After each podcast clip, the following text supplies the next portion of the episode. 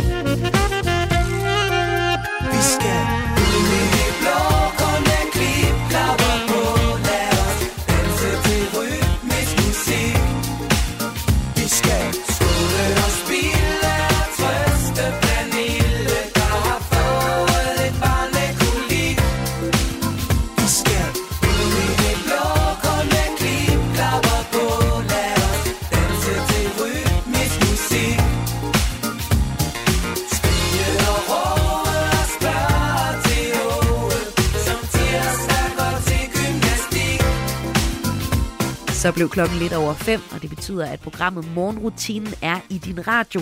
Mit navn er Maja Hall, og jeg sender her alle hverdage fra klokken 5 til klokken 6. Kulturradio her på Radio 4. Og hvis du kunne tænke dig at nå mig, så sender du mig bare en sms på 1424. Programmet her er ikke live, men jeg lover, at jeg læser alle beskederne og samler op på dem øh, løbende. For eksempel har jeg fået en besked fra Ronny, der skriver, Godmorgen til jer. Trods sne og kulde kan vi da se frem til én ting faste lavnsboller. Hvad er der blevet af jeres store faste lavnsbolle-gate? God weekend fra Ronny. Ja, hvad må det er for en gate, han henviser til her? Ronny, du må lige uddybe på sms'en, for jeg kan ikke helt gætte på, hvad det er for en gate, som Radio 4 måske har haft i forhold til faste lavnsboller. Men øh, dig, der lytter med, hvordan har du det med faste lavnsboller? Er noget, du går op i? Skal du bare have en god gammeldags med creme ind i midten og lidt glasur på toppen? Eller er du på den her hypede trend i forhold til at få de flotteste faste lavnsboller? Du er velkommen til at smide mig en sms på 1424. Morgenrutinen er nemlig et program, hvor jeg nyder at høre fra jer, der lytter med her tidligt om morgenen mellem 5 og 6. Og også jer, der podcaster. Tusind tak for, at I podcaster det her lille program. Morgenrutinen består, øh, som du måske kan regne ud, af noget musik, og så også en dagens gæst. Hun kommer om ikke så længe. Det er en rigtig kunstner, der kommer. Der kommer en rigtig kunstnerfamilie. Og hvad jeg mener med det, det må du jo hænge på lidt endnu for at få uddybet. Og så består morgenrutinen også af, at jeg ser lidt på, hvad der sker i dag af ting og sager, som er relateret til kultur på en eller anden måde. Og i dag udkommer øh, DR's øh, medieudviklingsrapport fra DR Analyse, og den er faktisk altid ret sjov at læse. Og en af pointerne fra øh, medieudviklingsrapporten her, det er, at danskerne ser fortsat livesendinger, trods det store streamingudbud. Så da Netflix kom i 2012, måske var du med på bølgen og købte et Netflix-abonnement, der var der nogle øh, analytikere, også fra DR, der sagde, prøv at høre, folk kommer kun til at streame. De kommer kun til at, at se film fra Netflix for eksempel, og så tage alting on demand online. Og flere forudsagde en, en snarlig revolution i danskernes seeradfærd, står det i rapporten her. Men øh, selvom at flow-forbruget, altså det her med at se ting i realtid, som det bliver lagt op på tv, det er faldende for år for år, så øh, lever livesendingen videre i bedste velgående. I gennemsnit så ser danskerne halvanden times traditionel tv om dagen. Dertil kommer et forbrug af livestreaming på 25 minutter.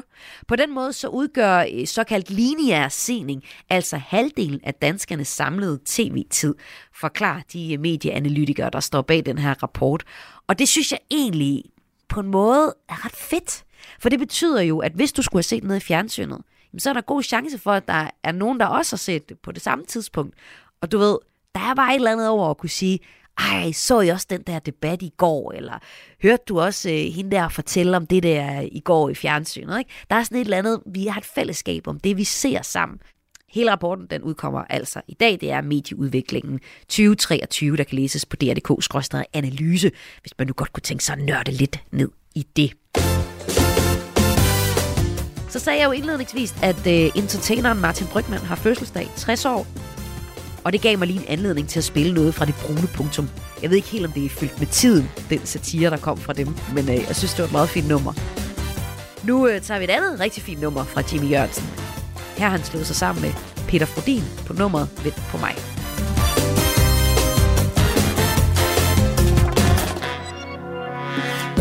Når alting sejler, så er det flot at have et sejl.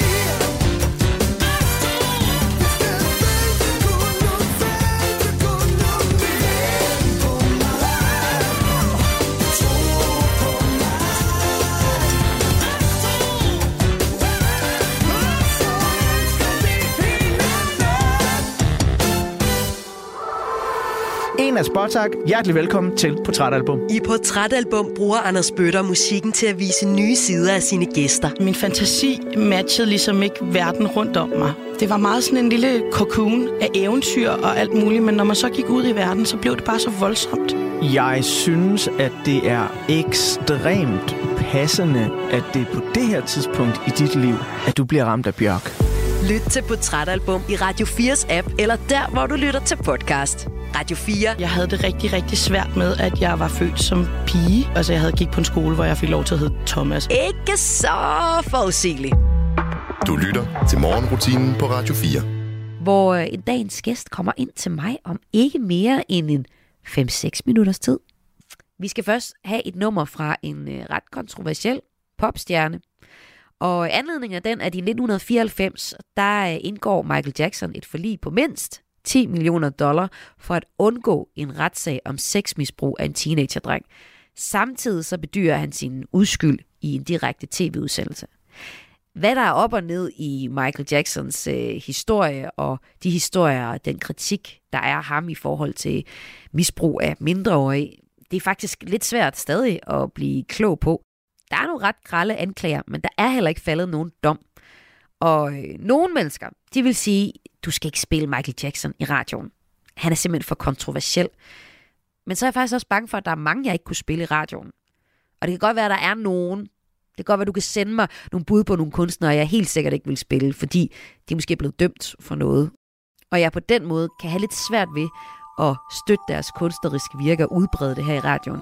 Men øh, lige i dag, der spiller altså Michael Jackson. Her er det Man in the Mirror. gonna make a change for once in my life. It's gonna feel real good. Gonna make a difference. Gonna make it right. As I turn up the collar on my favorite winter coat, this wind is blowing. The kids in the street but not enough to eat. Who am I to be blind,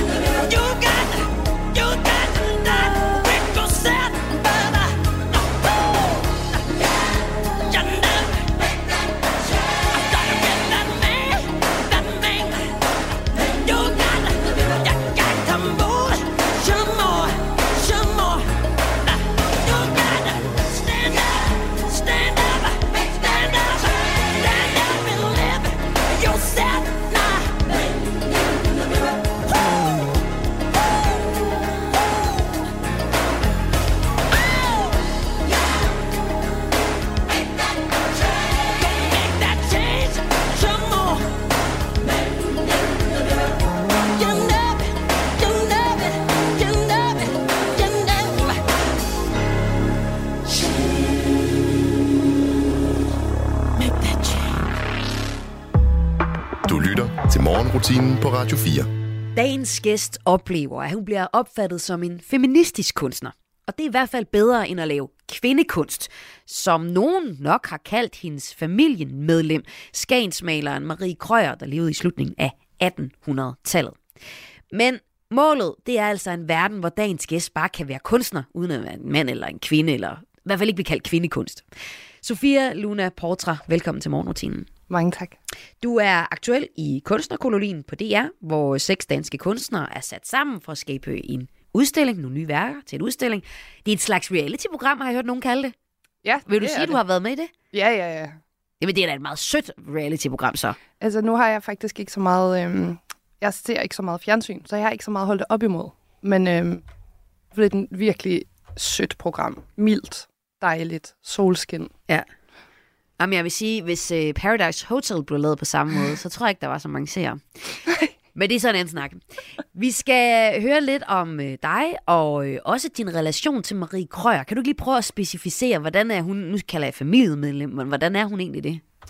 Altså, øh, jeg har en meget stor familie, og den er blevet beriget af diverse skilsmisser blandt mine for altid holdt sammen på hinanden. Så der er ikke en direkte blodslinje, men jeg har arvet mange af hendes ting.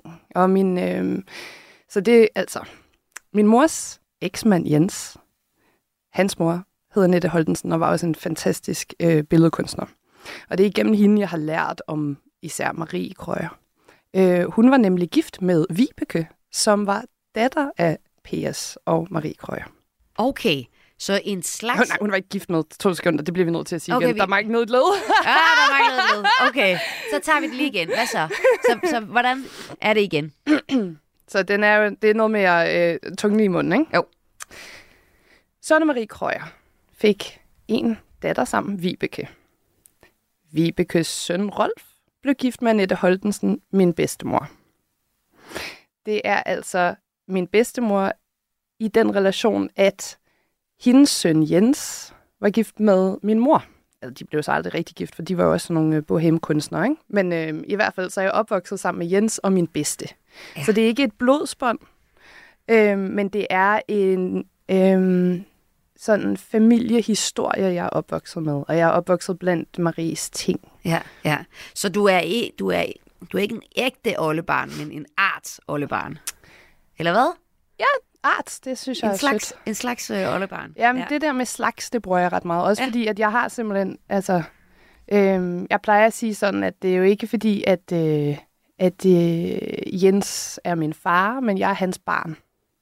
Og når du sagde øh, Søren og Marie Krøyer, så ja. er Ja. det fordi, at P.S. Krøyer Ja, hed Peder, Søren. Peder Severin. Ja, men Ja. ja. altså åbenbart Søren i, øh, i familiemunde. Ja, skønt.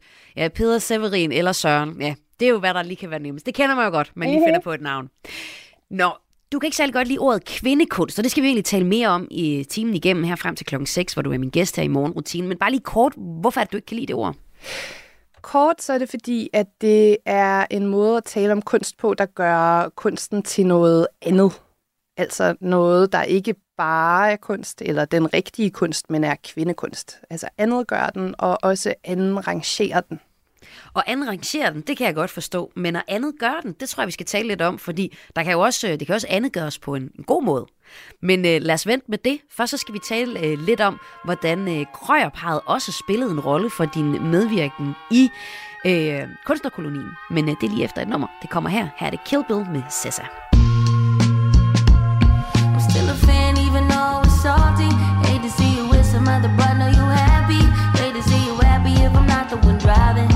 So mature, I'm so mature, I'm so mature. It got me a therapist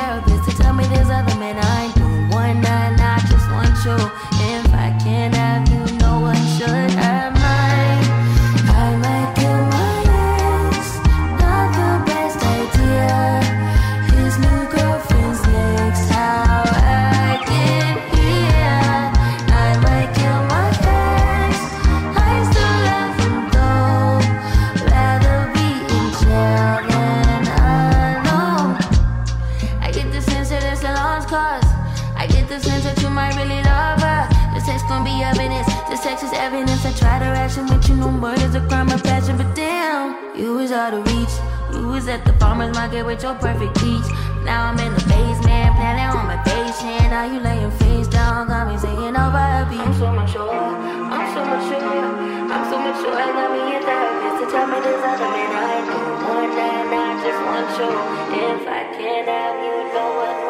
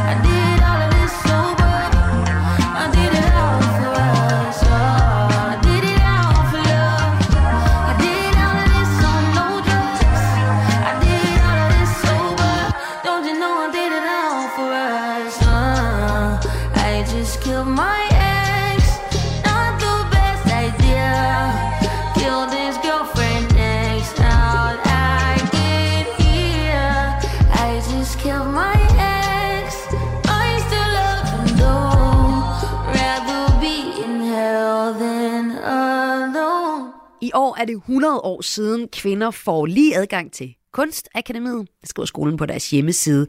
Og øh, det har dagens gæst fået glæde af, men ikke den slags familiemedlemmet Marie Krøyer, altså den her kendte Skans maler. Sofia Luna Portræt, du er gæst her i morgenrutinen. Hvad vil du sige, som kunstner fra akademiet har ændret sig for unge kvindelige kunstnere siden Marie Krøyers tid? Altså bare, hvad, hvad du tænker. Oh, altså, øhm, det, er jo, det har jo været en kamp. Øh, det har været en kamp for at få lige adgang til kunstfeltet.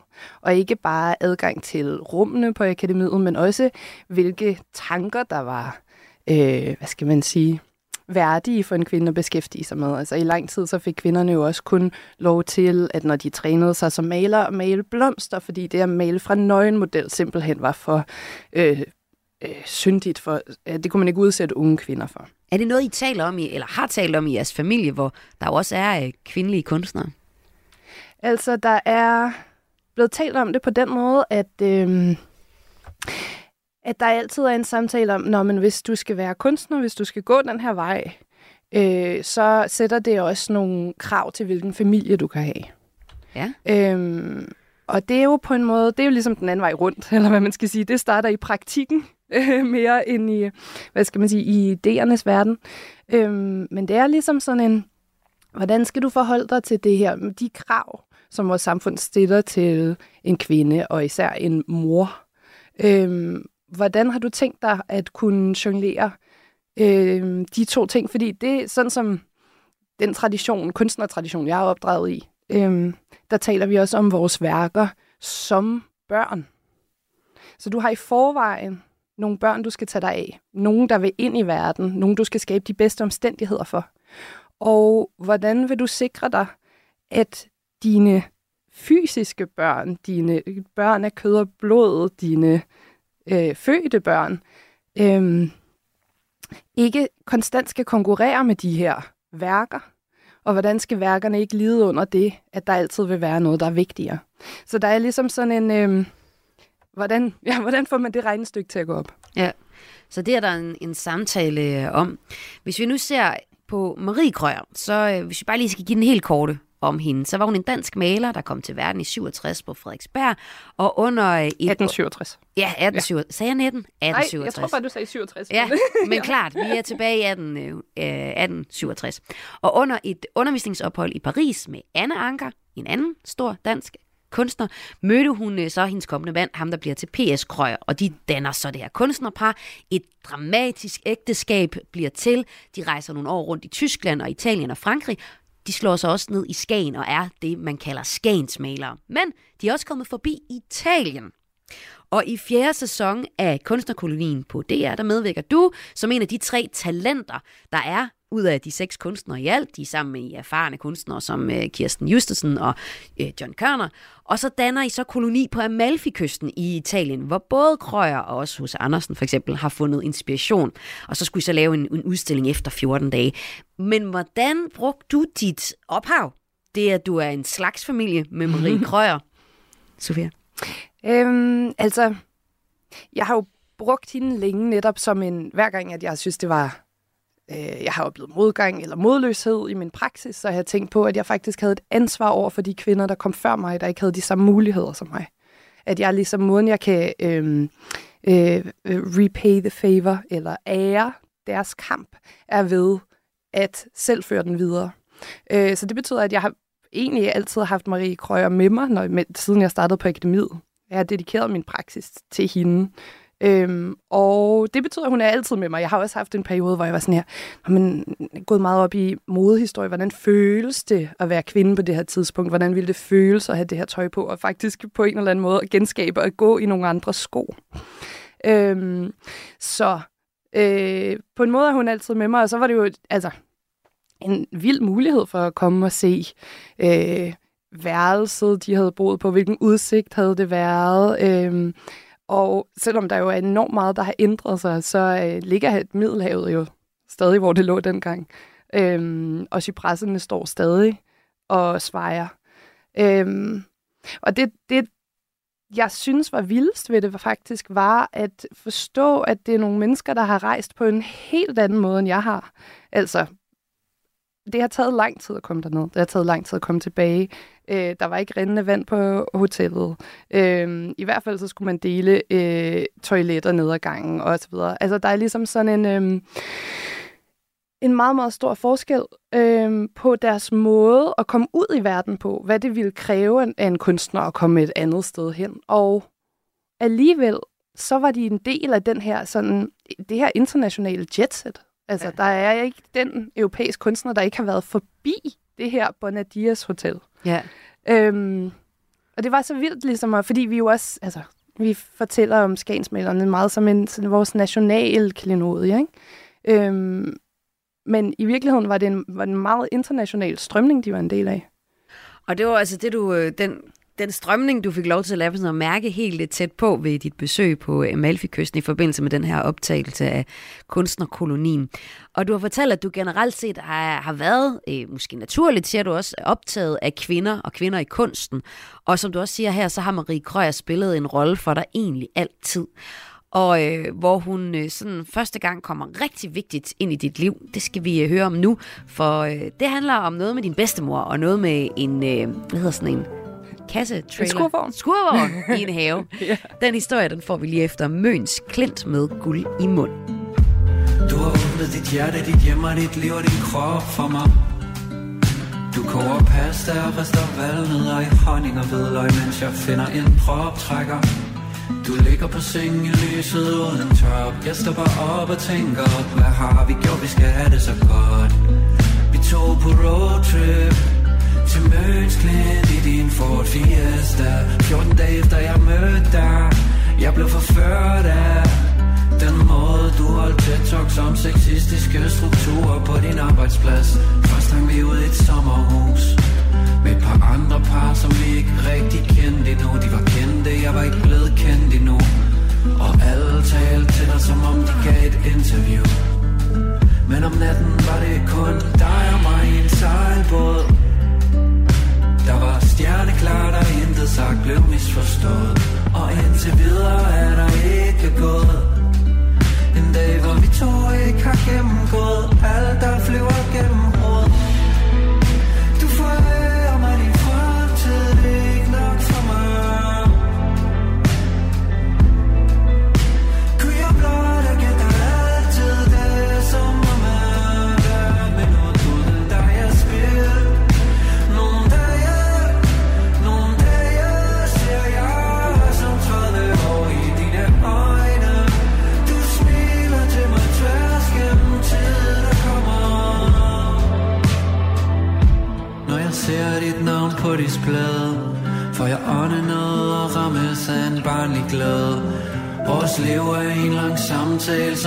til bliver ramt af, at vi er til skal sove,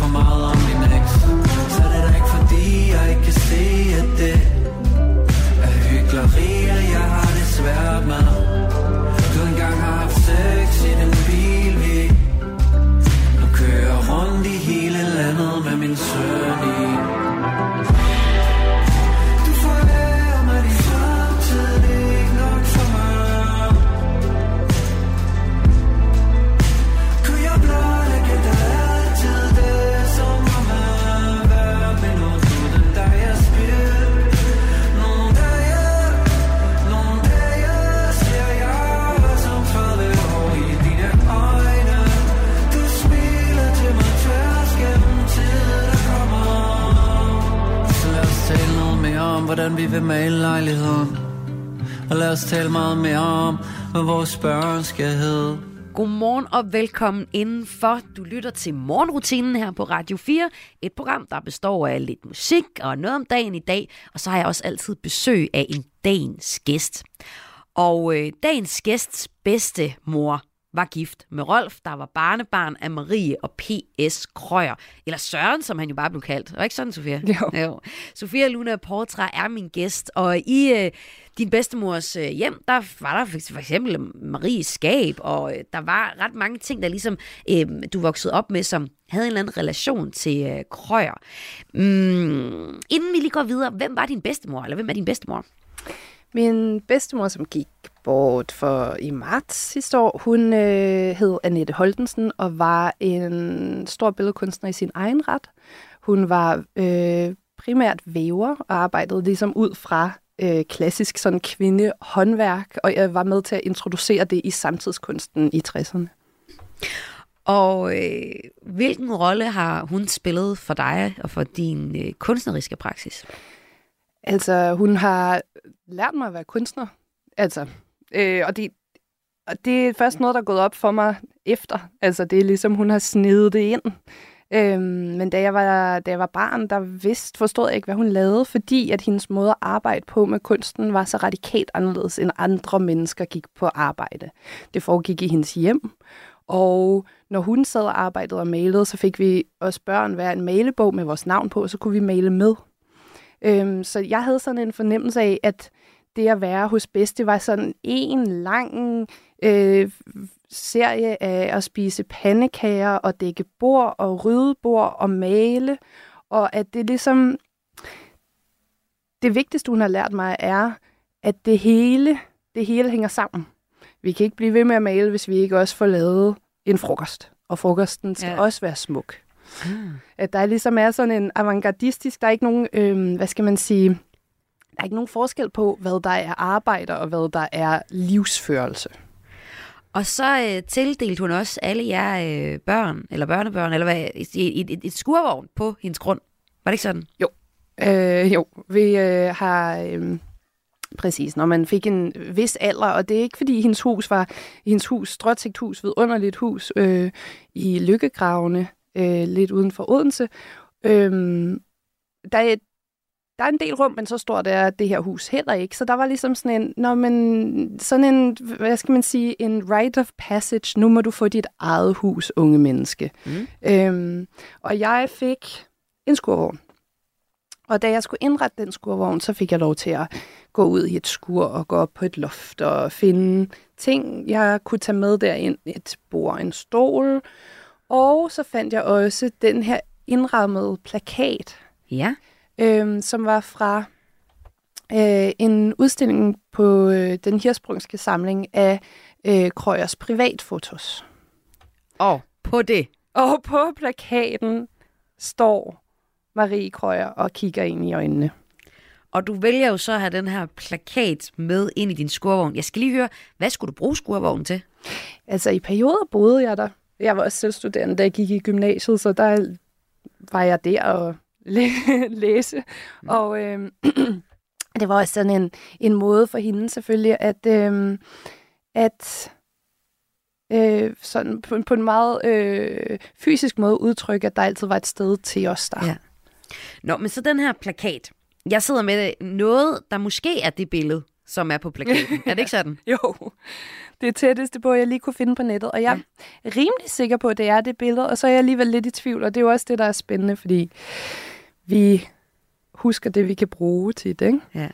Ja, vi har et billede af Marie Krøyer, som kigger ind i linsen. Må det også have været på det tidspunkt i Mhm. 1800-tallet.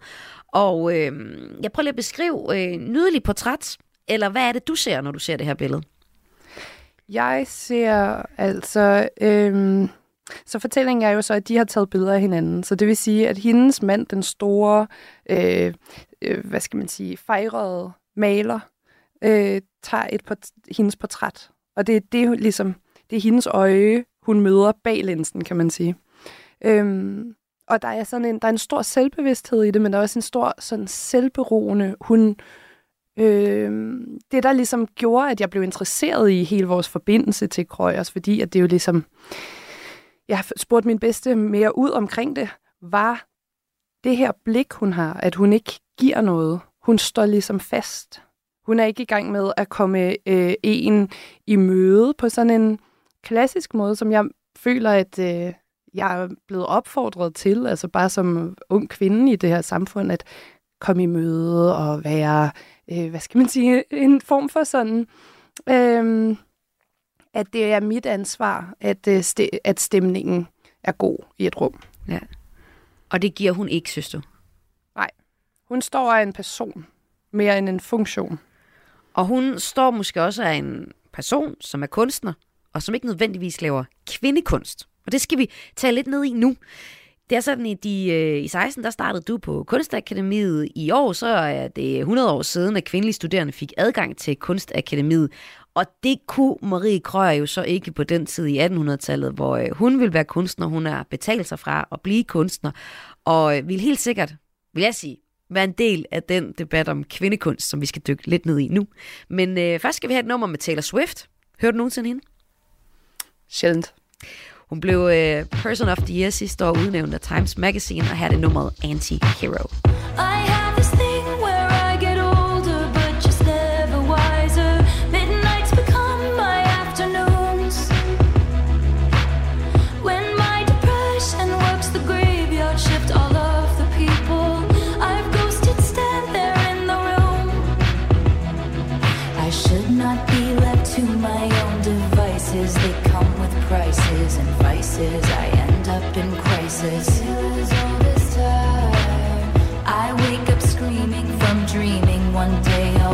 As you're leaving. Cause you got tired of my scheming.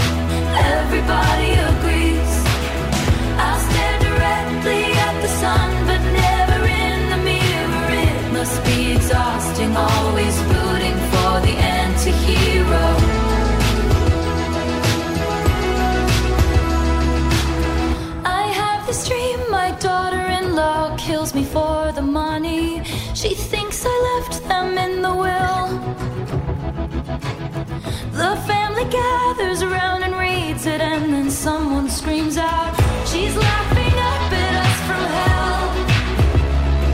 It's me, I am the problem, it's me, it's me, I am the problem, it's me, it's me, I. Everybody agrees, everybody agrees. It's me.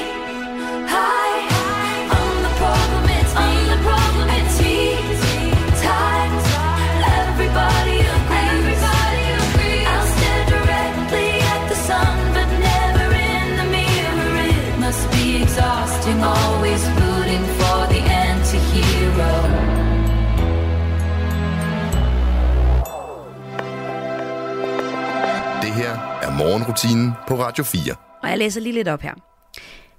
Kvindelige kunstnere laver særligt kvindekunst. De arbejder ofte med organiske materialer, måske fordi de har en forkærlighed for blomster og naturmotiver.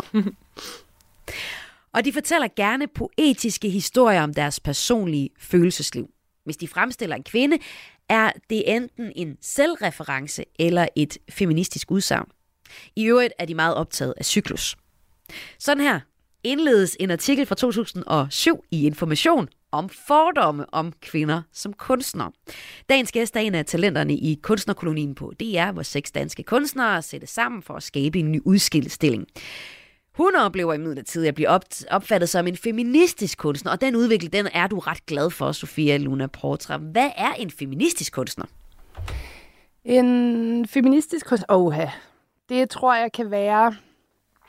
Det kan se ud på rigtig mange måder, det kan føles på rigtig mange måder, men jeg tror, at det, der vil være det samlende for det, er, at det er kunst, der er bevidst om sin produktionsforhold, det vil sige, øh, hvad der skal til, for at den her kunst er blevet skabt, og at den er blevet skabt på et så, hvad skal man sige, øh, øh, der er noget med at tage ansvar for, for sine handlinger. Altså simpelthen at få noget med at forstå, at det personlige er altid politisk, og det politiske er altid personligt.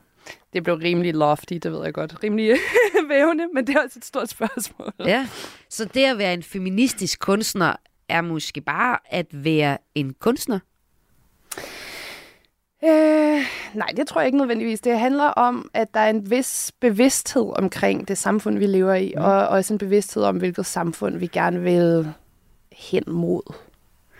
Hvis vi så ser på skagensmaleren Marie Krøyer, som øh, du er ikke i blodrelation til, men på en slags barnebarn, eller oldebarn af. Hun levede så i slutningen af 1800-tallet, og øh, hun kunne ikke, som dig, gå på kunstakademiet. Det skulle man betale sig for på det tidspunkt, og øh, fordi hun var kvinde, der var ikke adgang på kunstakademiet. Om hende, så er der måske nogen, der har kaldt hendes kunst for kvindekunst. Ja. Hvor støder du på ordet kvindekunst henne? Altså, jeg har det, ikke mødt det så meget de sidste par år, gudskelov. Øh, men hvor jeg har mødt det før, har været øh, omkring min egen kunst, eller øh, omkring kunst af kunstnere, jeg ser op til, at hvis de kunstnerne behandler kvindeliv, kvindetemaer, øh, som jo øh, simpelthen kan være noget i størrelsesordenen liv og død. Hvad er mulighederne igen for at skabe liv? En ret, øh, hvad skal man sige, en ret stor del af vores allesammens sådan, øh, eksistensgrundlag. Men så, øh, hvis det for eksempel an- omhandler fødsler, eller aborter, eller noget, der simpelthen ikke kunne være mere sådan øh, grundlæggende for alles liv, vi er alle sammen født af nogen, øh, så, han, så er det kvindekunst.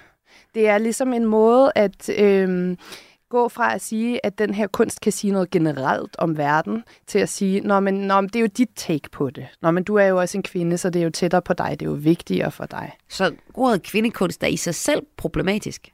Ja, det synes jeg, fordi øhm, kvinde, det er ikke problematisk. Det tænker jeg er en god ting at være. Kunst, heller ikke problematisk. Det er også en god ting. Men kombinationen af det er en måde at tale om det, som mm, i hvert fald måden, det er blevet brugt på, har været, når men det er jo ikke rigtig kunst, det er kvindekunst. Rigtig kunst, det omhandler øhm, rigtige temaer. Det omhandler øh, med andre ord samfund på en bestemt måde, eller har en vis objektivitet. Det er også, der er noget med det, at der tit er en insisteren på hos kvindelige kunstnere, øh, at objektiviteten ikke findes, at alting er subjektivt, vi altid er situeret, vi altid taler fra et bestemt sted. Mm. Og det kan være meget provokerende hos nogen. Mm, så egentlig så er, det, øh, så er det tiden, så er det normerne, der har gjort øh, kvindekunst til et ord, du ikke bryder dig om at være blive kaldt, eller din kunst ikke bryder dig om at blive kaldt. Ja, altså, jeg vil jo gerne være en kunstner, og så er jeg en kvinde. Men det her med, at det, at jeg er en kvinde, skal være øh, vigtigt for den kunst, jeg laver, det er Øhm, det føler jeg, at jeg har en nedladende klang simpelthen. Øhm, fordi at i den verden, jeg gerne ville se, så ville jeg jo være en kunstner, og så ville verden være, øh, hvad skal man sige, så skulle den være feministisk. Altså, det, at det ikke, at der ikke er noget radikalt i at behandle de temaer, som jeg behandler. At der ikke er noget fremmed, mærkeligt, et eller andet. Men kan der godt være feminine temaer og maskuline temaer i kunst? ærligt talt, så det er også det, jeg øh, stiller mig selv det spørgsmål. Fordi der er jo også noget med, at jeg vil gerne frigøre mig fra de her normative kønsroller, og samtidig så er min måde at gå til dem på super binær. Nå, men det her er maskulint, og det her er feminint, og det her er ligesom... Øhm, det er også det, jeg prøver ligesom at få blødgjort, øh, når jeg arbejder med de her temaer. Prøve at være sådan, når men i virkeligheden er det hende, der øh, har en mere maskulin stemning, energi, et eller andet. Jeg ved, ikke, jeg ved det faktisk ikke. Og det er det, der gør det interessant. Hvor vi egentlig er henne mm. i forhold til det. Men uh, Sofia Luna Portra, tusind tak for at komme her og fortælle din historie.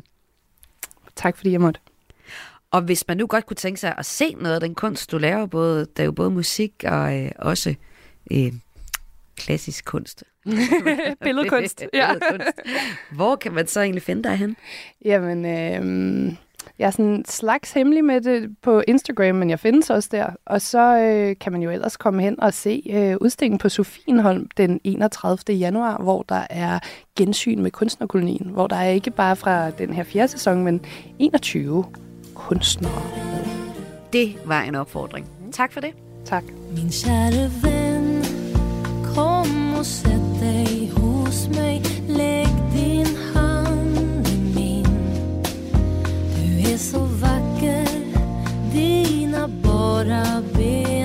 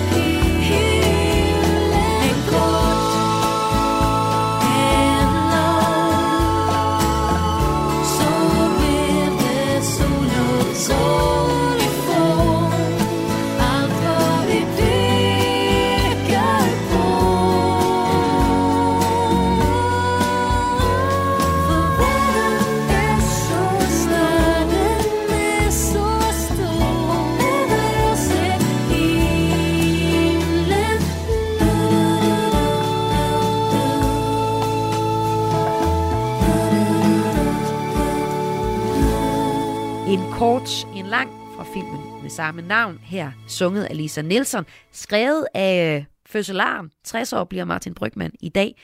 Og den her sang, en kort og lang, den har også været med i højskolesangbogen, men øh, med som en dansk tekst, men den er blevet fjernet i den nyeste version. Og måske er det, fordi den ikke er sådan super sangbar. Den kan i hvert fald være ret svær at synge til fællessang, skulle øh, hende, der står for playlisterne til den her udsendelse, hilse at sige. Fordi den springer ret meget rundt harmonisk, hvilket er ret karakteristisk for øh, Brygmans kompositioner, men ikke desto mindre kan gøre sangen lidt bøvlet at synge med på. Så du slap for at synge, du fik den bare her i morgenrutinen, et program, der er færdigt for i dag. Jeg er tilbage igen i morgen, hvor det er uge af fredag, men det er lille fredag i dag. Gå ud og nyd det, hvor end du er. Mit navn er Maja Hall, og nu skal jeg nok holde min mund, for nu skal du opdateres med nogle nyheder. Du har lyttet til en podcast fra Radio 4. Find flere episoder i vores app, eller der, hvor du lytter til podcast. Radio 4. Ikke så forudsigeligt.